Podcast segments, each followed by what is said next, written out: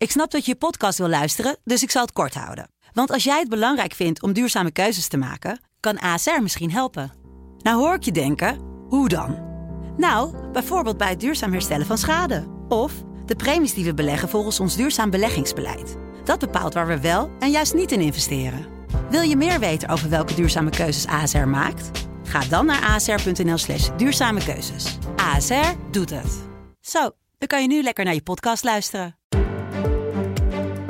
Dit is een podcast van de Telegraaf.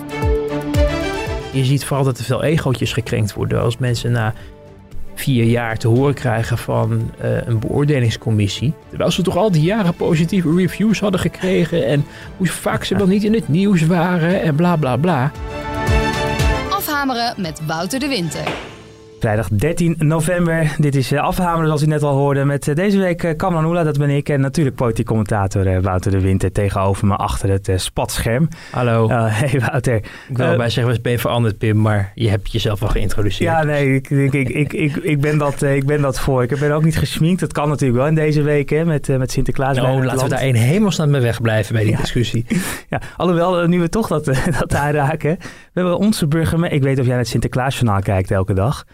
Nee. Maar we hebben onze burgemeester, we komen wonen allebei in Amsterdam, wel gemist. Femke Halsma was een van de weinigen die het, uh, wat was het nou weer niet, uh, geen prioriteit gaf om mee te doen. Ja, ach ja, het, is, het blijft, uh, laat, ik, laat, ik, laat ik gewoon de, de hoofdredacteur van het Parool parafraseren die daar vrijdagochtend op de radio iets over zegt. Dat, dat, dat zij er toch niet in slaagt om um, ja, benaderbaar te zijn, een, een het gevoel voor Amsterdammers dat ze er voor alle Amsterdammers is. En dat ze uh, wat dat betreft uh, toch keer op keer niet in slaagt om dat te bereiken. En dat dit, dit is daar dan volgens hem een, een, een, een bewijs van. En ja, ik weet niet, ik ben zelf, wil ik zoveel mogelijk wegblijven van die hele Sinterklaas Zwarte Piet discussie. En het Sinterklaas journaal is voor kinderen denk ik leuk en voor, voor hun ouders misschien ook wel. Ik vind het persoonlijk zelf niet echt zo'n zo'n halszaak. maar ja, als, iedereen meedoet behalve zij en nog negen anderen of zo, dan ja. geeft het natuurlijk wel uh, uh, ja, te denken. En het zegt ook wel veel over de mensen die haar adviseren en die dan kennelijk ook mm. Onvoldoende voelen dat dat misschien een hele leuk gratis moment van positieve publiciteit Precies. is. Want we hebben de afgelopen maanden toch vooral negatieve publiciteit over de burgemeester van Amsterdam gehoord. Uh, straks in ieder geval over die lijsten van, uh, van D66 en GroenLinks. Daar gaan we het uh, over hebben. Corona natuurlijk. Maar eerst Wouter, de, de, podcast is ook iets later op deze vrijdag verschenen dan, of gepubliceerd dan normaal. Um, want jij hebt een interview met Khadija Arif, de Kamervoorzitter. Ja, precies. Uh, Khadija Ariep, uh, inmiddels sinds 1998 uh, in ons parlement. Dus toch bijna, ik geloof samen met Kees van der Stijl en Geert Wilders, Wilders geloof ja. ik ook wel. in ieder geval een van de langstzittende mm -hmm. Kamerleden. En ze maakt in een interview met de Telegraaf bekend dat ze nog een periode door wil als Kamerlid. En natuurlijk dan voorsorterend op opnieuw het, het bekleden van het voorzitterschap van de Tweede Kamer.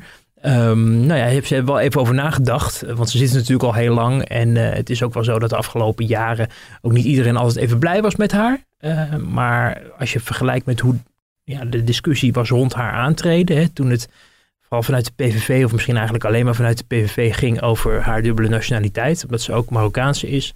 En uh, tegenwoordig het daar eigenlijk niet meer over gaat, maar gewoon over hoe ze haar werk doet. En mm -hmm. dat ze als, zich als boegbeeld heeft ontwikkeld van de Tweede Kamer. En zij zegt in dat interview uh, dat het um, uh, in deze tijd van corona, waarin er ook wel veel onzekerheid is, ook over ja, wat, wat doen in onze instituties nou, welke koers vaart het kabinet, hoe doet de volksvertegenwoordiging haar werk als controleur van het kabinet.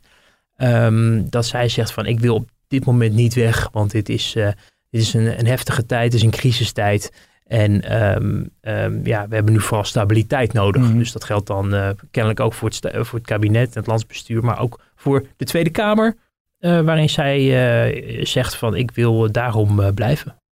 De doorlooptijd van Kamerleden lijkt ook wel steeds of sneller te gaan, of, ja. of dat ze er korter, korter ja. zitten. Daar maakt ze zich ook zorgen over. Mm -hmm. Ze zegt toen ik ooit begon, um, toen, toen uh, werd tegen mij gezegd, de eerste vier jaar moet je je inwerken. De volgende vier jaar mag je af en toe uh, je, wat in de publiciteit brengen. En de periode daarna, dus dat is dan de jaren 8 tot 12, uh, dan uh, is het tijd om te oogsten. Dus dan kan je van alle kennis die je hebt opgedaan, en de, de, kennis van het politieke spel ook. En je, je netwerk kan je vervolgens te gelden maken waar je al die jaren in hebt geïnvesteerd. Nou, tegenwoordig zitten voor veel partijen maar twee termijnen hè, is het maximum. En je moet echt van hele goede huizen komen. Wil je nog langer door? En een enkeling lukt dat, maar de meeste niet. En die wordt dan te kennen gegeven om na vier jaar soms of uh, meestal na acht jaar van u, u wordt bedankt voor uw diensten. Mm -hmm. En daarmee verdwijnt ook, um, als je het volgens haar redenering volgt, de, de, de vier jaar van inwerken en de vier jaar van voorzichtig um, ja, uh, profileren en, en dingen aan de kaak stellen.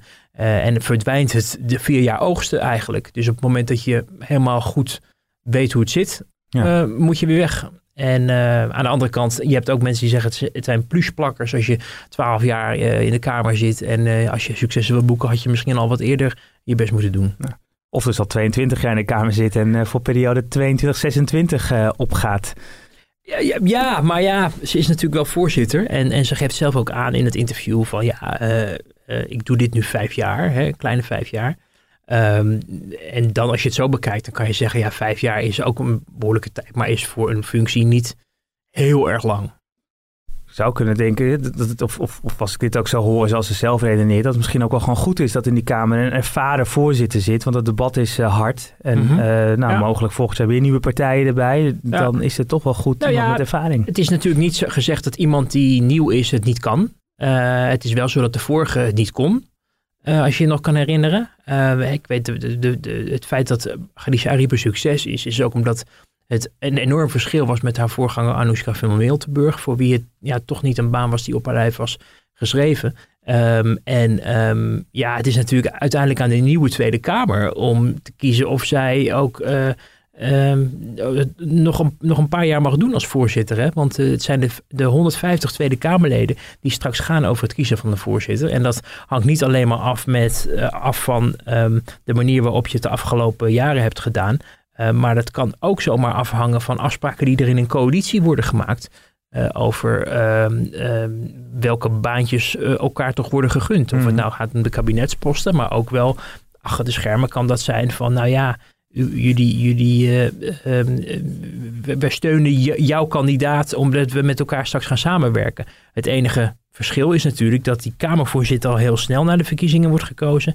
En het best mogelijk is dat de formatie weer maanden op zich laat wachten. En dan lijkt het er toch op dat mensen toch meer van hun capaciteiten moeten hebben die zich verkiesbaar stellen dan van de afspraken tussen partijen onderling. Uh, maar het is altijd spannend en het is een geheime stemming, dus je weet niet hoe het afloopt. Maar ik denk wel dat ze goede kaarten heeft om uh, in ieder geval op basis van haar capaciteiten uh, het nog een keer te redden. Het interview staat dus op een andere plek hier bij ons op de site of, of in onze app en op zaterdag in de krant. Ja. ik denk dat Lodewijk Asscher het als PvdA-leider het ook met veel plezier leest.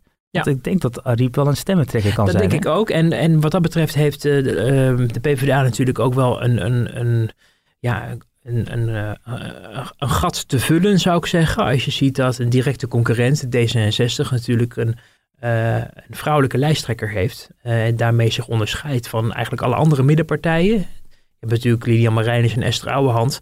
Maar dat zijn toch een beetje de partijen in de marge. als je gaat kijken naar het midden, is uh, Sigrid Kaag van D66 de enige vrouw. En er zijn gewoon veel mensen die het belangrijk vinden dat ook een keer een vrouw op zo'n plek terechtkomt en het het zeggen krijgt. Ik weet niet of het lukt om premier te worden, maar in ieder geval iemand die een uh, hele belangrijke functie kan vervullen in, in, ja, in de politiek de komende jaren. Um, en ja, dan heeft eigenlijk de Partij van de Arbeid een, een, een, een achterstand. Um, maar met Khadija Ariep heb je natuurlijk wel een enorm boegbeeld binnen die om haar capaciteiten, maar ook vanwege haar afkomst, denk ik, uh, ook bij kiezers populair is. En daarmee ook de Partij van de Arbeid aan stemmen kan uh, helpen. Ja. Dus Lodewijk Asscher is natuurlijk heel blij met haar. Hoewel ook je wel eens merkt in die Kamer dat zij weliswaar, uh, hij is weliswaar haar politieke baas, maar af en toe stuurt ze hem ook gewoon terug in het bankje. Ja. En dat is eigenlijk wat een echte voorzitter moet doen. Boven dus de partijen. Ja. ja. Uh, mooie brug ook naar die, naar die andere partijen toe. Uh, omdat die, D66 en GroenLinks die presenteerden deze week een, een lijst. Uh, nou, daar ontstaat wat gedoe. Ik, ik meen me opeens te herinneren dat Khadija Ariep is ook ooit wel heel laag op de lijst beland. en uh, toen heeft ze zich weer omhoog gevochten, geloof ik. Hè? Ja, toen heeft ze zich omhoog gevochten. Toen was er een, een vrouwennetwerk in uh, de PvdA die haar echt omhoog duwde. En daardoor kwam ze weer op een verkiesbare plek terecht. En je ziet hoe dat dan gaat. Hè? Dat uh, kandidaatstellingscommissies um, ja, je kunnen beoordelen als dat je het niet goed doet. Of dat mensen hekel aan je hebben. Want er zijn ook wel veel mensen, uh, zeker destijds, die moeite hadden om met Gadishari samen te werken bij de PvdA. Zowel onder de Kamerleden als onder de ondersteuning. Um, en nou ja, in, in de afgelopen jaren is dat altijd wel een beetje blijven hangen. Maar is toch de, hè, wat ze heeft gedaan als voorzitter toch prevalerend geweest. Um, maar het is zeker waar dat zij um, ook ooit echt aan de rand van de afgrond heeft gestaan als het ging om haar Kamerlidmaatschap. En wat dat betreft is het wel een grappig contrast met nu natuurlijk. Ja. Ze echt als boegbeeld door haar partij uh, wordt gezien. Um, maar het is altijd wel een heel gevoelig uh, uh, moment. Hè? Het samenstellen van zo'n kandidatenlijst. Dat wordt door, hoofdzakelijk door mensen gedaan die niet op dat moment in de landelijke politiek zitten, maar daarmee op een mhm. afstandje van staan.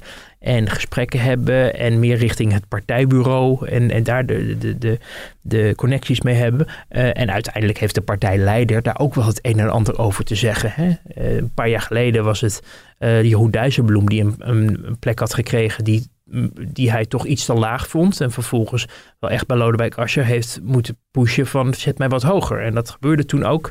Vervolgens gingen er weer vandoor naar de verkiezingen. Maar dat is weer een andere kwestie kennelijk. Maar het is een, een periode van eer, van eergevoel, van erkenning. Kijk eens hoe belangrijk ik ben. En het leidt af en toe ook tot, tot spanningen en uh, tot ongelukken. We zien die spanning op dit moment dus, ik noemde die partij net al bij D66 en GroenLinks. Hè, allerlei lobby's die al gaande zijn, mensen die omhoog moeten worden gestemd door de leden. Ja. Uh, je had het net over die, eh, die eerste vier jaar moet je, moet je een beetje eh, het vak leren kennen, zoals eh, Ariep dat uh, zegt. En bij D66 zie je heel veel Kamerleden die nu pas vier jaar er zitten. Die zijn onverkiesbaar. Ja, um, um, ja dat, wat, wat, wat zegt dat gedoe eigenlijk binnen, die, binnen die partijen? Um, nou, het, is op zich natuurlijk democratisch dat mensen kunnen gaan lobbyen om, om hoger op de lijst te, te komen. Hè? Dat, dat, zo kan je je als Kamerlid wel laten zien van kijk eens, ik heb een duidelijk mandaat. Want er zijn een heleboel mensen die binnen de partij die het belangrijk vinden wat ik doe. Uh, maar ja, er zijn ongelukken gebeurd in het verleden. Hè. Je hebt uh, ooit Arthur Dokters van Leeuwen die op de VVD-lijst zou staan. Maar ook Fred Teven. Maar Arthur Dokters van Leeuwen, belangrijk man op justitie, baas van de BVD geweest en uh, ook baas van het Openbaar Ministerie, was in zijn tijd bij het Openbaar Ministerie. Hij is overigens niet zo lang geleden overleden, moeten we er wel even bij vertellen. Mm maar hij was in feite de baas van Fred Teven. Fred Teven stond hoog op de VVD-lijst. En dat vond hij gewoon niet kunnen. En toen heeft hij zich teruggetrokken. Uh, Peter Reewinkel, tegenwoordig iemand die je vooral op televisie zit, uh, ziet vanwege zijn geachte kennis over het Koningshuis. Hè, bij de NOS verschijnt hij dan. Maar die belandde op een gegeven moment ook op een, op, op een positie waar hij ongelukkig over was met betrekking tot de PvdA-kandidatenlijst. Ik weet nou even niet meer uit mijn hoofd of hij er helemaal niet op werd gezet of heel laag. Maar ik weet wel dat hij zijn argumentatie gebruikte dat zijn homoseksualiteit wel eens een rol kan hmm. hebben gespeeld bij het feit dat hij niet terecht kwam waar hij terecht wilde komen. Bij de PvdA, mind you. Ja. Dus je ziet, het is altijd huilen, huilen, huilen. maar in feite eh, doet het er niet zo ontzettend veel toe. Hè? Je krijgt uh, uiteindelijk een aantal zetels, laten we zeggen 18, 19, 20 zetels. En dan is het heel fijn als je op 18, 19, 20 staat. Als je gaat regeren als partij, dan schuift nog een cohort achter. Hè? Dus tot 5, 26 door. Hè? Want er zijn vaak veel mensen op de lijst die naar het kabinet ja. ingaan. Uh, maar of je nou op 2 of op 3 of op 4 komt. Janine Hennis stond de vorige keer op nummer 2 bij de VVD. En die slijt tegenwoordig haar dagen in Irak. Dus ja, het is niet altijd automatisch ook dat je daarmee um, um, goed in het zadel zit en blijft en dat het, dat het vanzelf allemaal goed komt. Uh, maar je ziet vooral dat er veel egootjes gekrenkt worden als mensen na vier jaar te horen krijgen van uh, een beoordelingscommissie. Terwijl ze toch al die jaren positieve reviews hadden gekregen en hoe vaak ze wel niet in het nieuws waren en bla bla bla. Maar dat toch mensen zeggen van ja, maar we willen eigenlijk iemand anders daar neerzetten. En uh, ja, het is net alsof je een rapportcijfer krijgt. En je bestaat maar op plek 24, terwijl je toch wel had verwacht dat je op 8 zou komen. En dat leidde de afgelopen tijd ook bij het CDA door weglopers. Die zeiden van nou, dan, dan hoeft het voor mij niet. Je, je, zou kunnen zeggen, als je zo ontzettend goed bent, dan haal je toch gewoon voorkeurstemmen binnen. Dan heb je je eigen mandaten en dan kom je er alsnog in. Nou, kwaliteit bewijst zichzelf. Het is de afgelopen jaren ook wel gebeurd dat mensen op eigen krachten naar binnen kwamen. Uh, als ik me niet vergis was het Maurits von Martels van het CDA bijvoorbeeld. Maar die wordt nu wel weer echt helemaal afgedankt door, mhm. door, zijn partij. Um, uh, maar ja, het, het, je, je, kan inderdaad uh, met, met veel steun in die Kamer komen. het is aan de andere kant ook wel weer zo dat er ook nog andere dingen een rol spelen. Waarbij het dus niet gaat of je je werk goed hebt gedaan. Maar of je, zo zagen we bijvoorbeeld bij D66, van de goede leeftijd bent. de goede afkomst bent, de goede seksualiteit bent. Ja, de, hier speelt heteroseksualiteit is weer een nadeel. Hè? Heteroseksualiteit, man en D66er. Uh, en blank, dat mag niet, of wit of zo je, zo je wilt, dat mag al helemaal niet.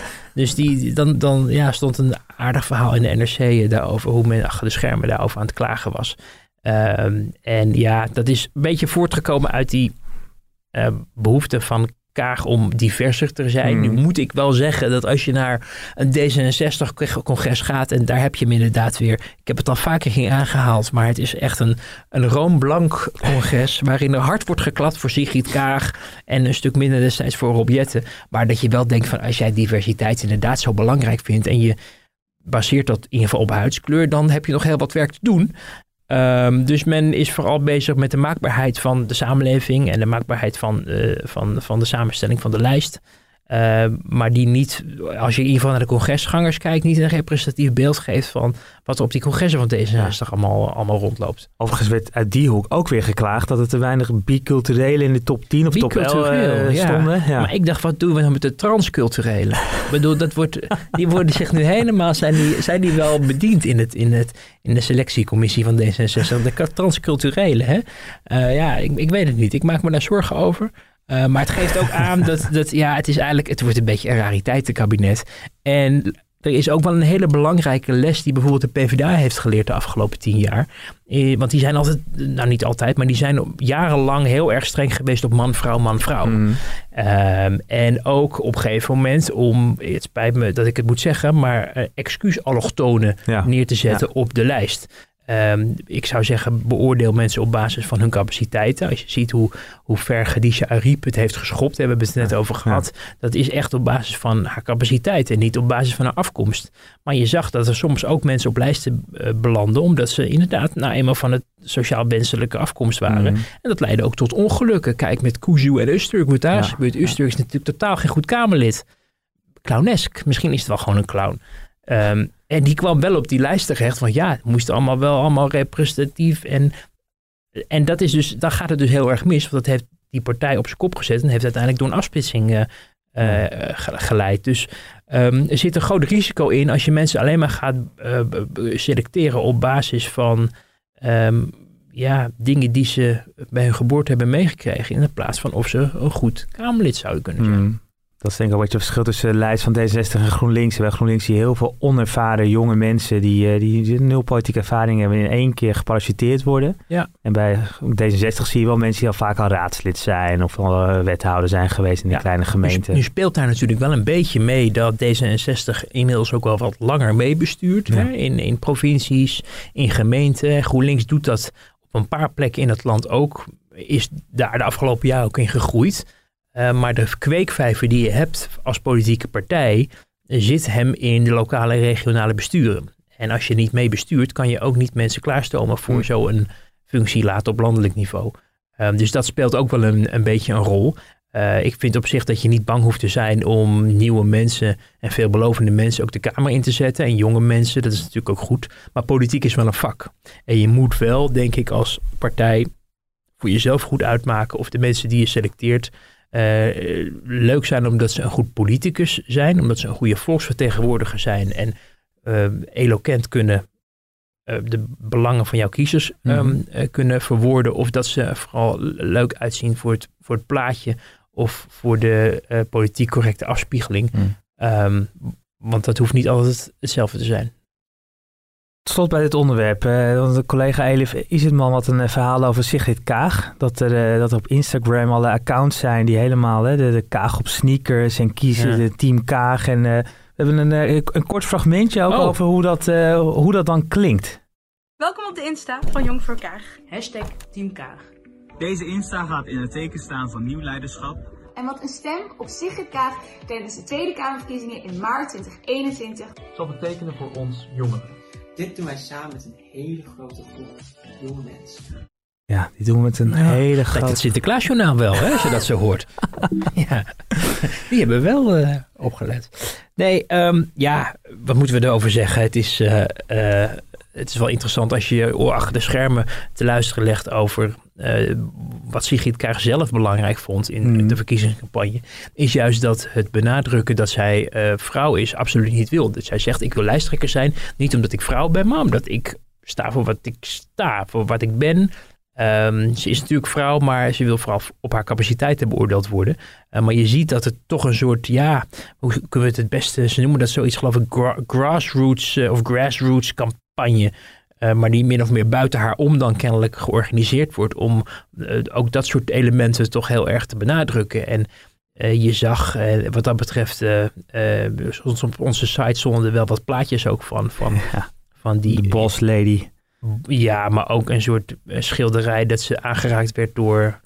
Was het Michelangelo of zo?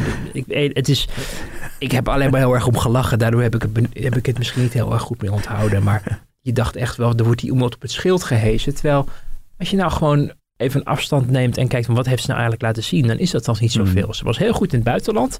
Ze heeft daar als diplomate heeft ze denk ik echt uh, formidabel werk uh, gedaan. Daar wordt ze ook breed over om, om geprezen. Uh, dus die kwaliteit heeft ze zeker wel. Maar als het gaat om nieuw leiderschap en het land besturen in deze tijd met zoveel verdeeldheid, waar Rutte toch, zelfs Rutte nog alle zeilen moet bijzetten om dit tot een goed einde te brengen, mm.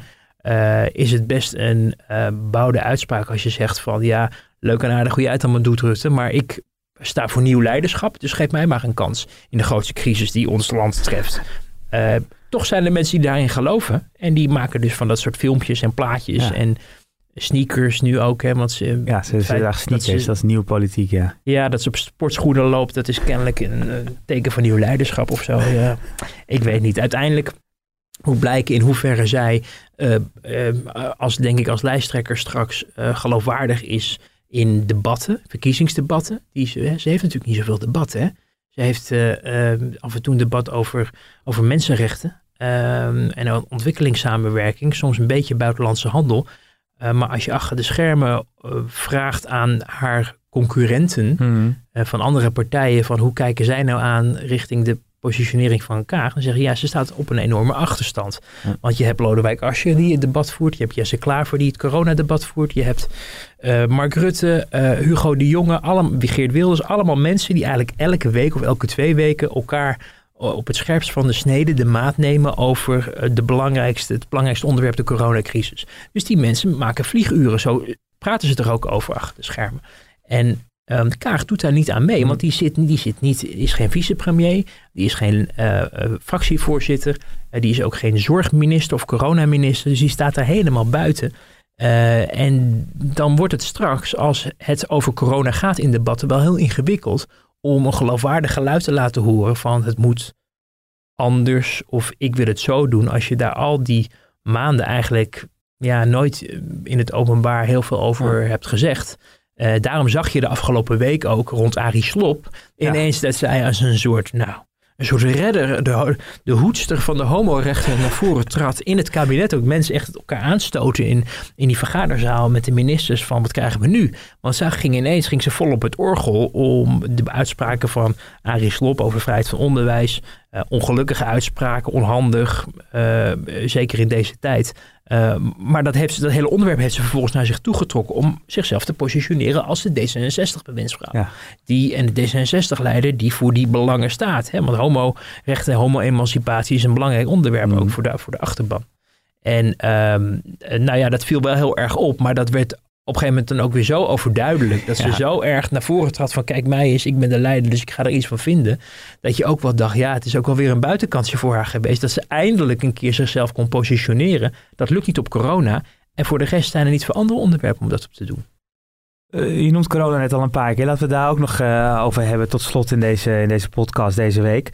Uh, het was ergens een rustige week rond, uh, rond corona. Tenminste, uh, we hebben niet groot nieuws gehad. Het was al een mhm. Facebook live sessie met minister De Jonge mm en premier Rutte.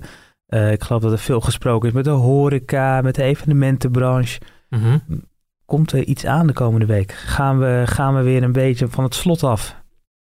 Nou, je, je zag dat het kabinet een beetje kon ademhalen. Hè. Er was de afgelopen weken heel veel ruzie geweest en, en onmin. En dat zijpelt ook door in de media bij ons, maar ook bij andere media. Dat, dat, uh, uh, en dat werd ook af en toe heel persoonlijk. Hè.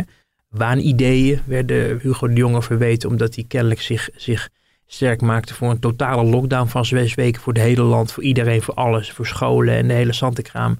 En, en volgens sommigen in het kabinet veel te weinig aandacht heeft voor de enorme gevolgen die dat heeft. Niet alleen Mhm. economisch, maar ook maatschappelijk, het welzijn van mensen, eh et cetera. Ehm, maar de, de afgelopen week, want de afgelopen dagen gaat het juist weer niet zo goed met die cijfers. Het zijn Nee. wel dagkoersen. Maar de afgelopen week eh, is er wel een- sprake van een daling als je dat gemiddeld eh, bekijkt. En dat bood het kabinet ook adempauze, omdat men ineens niet meer die doembeelden van avondklok, totale lockdown in beeld zag. Want ja, de noodzaak verdween. Betekent niet dat dat weer terug kan komen op het moment dat die, die, Ja. eh, die besmettingen weer stijgen. Er werd achter de schermen alweer gesproken over een mogelijke derde golf. En dat je toch moet voorkomen dat je in een derde golf belandt als je nu te snel maatregelen zou versoepelen. Dus Want ik, De Jonge zei in die Facebook eh, live sessie volgens mij ook, we zijn over de piek van de tweede golf heen. Ja. En, en dan een paar uur later bleken dat de cijfers toch weer ietsjes hoger lagen dan een dag eerder. Ja, alleen als je ziet met welke snelheid die cijfers stegen. En je kijkt nu met welke snelheidscijfers dalen of gelijk blijven. Of bedoel, het, gaat, het zijn wel twee verschillende eh, sterktes. Eh, en, en dus ik snap wel dat men in het kabinet ook wel ziet, ook als je ziet hoe het gaat met de cijfers in de ziekenhuizen. Met, met, eh, met IC-capaciteit, sterfte, dat soort dingen. En ook de R, het R-getal, hè, de, Mhm. besmettings, de besmettelijkheid van de mensen.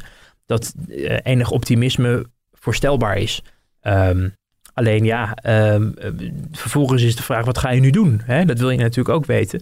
En er is gesproken met de horeca, met de evenementenbranche. Die kwam dan, de horeca kwam daar dan wel weer enigszins leek het tevreden vandaan. Ja. Hè? Gerustgesteld. En, en dat ik denk, ja, ik bedoel, ik help het ze hopen hoor. Maar Rutte is natuurlijk een meester in mensen in het torentje Mm, ontvangen. ja. En, en zeggen, ik vind het heel belangrijk, want ik gebruik zelf ook de horeca.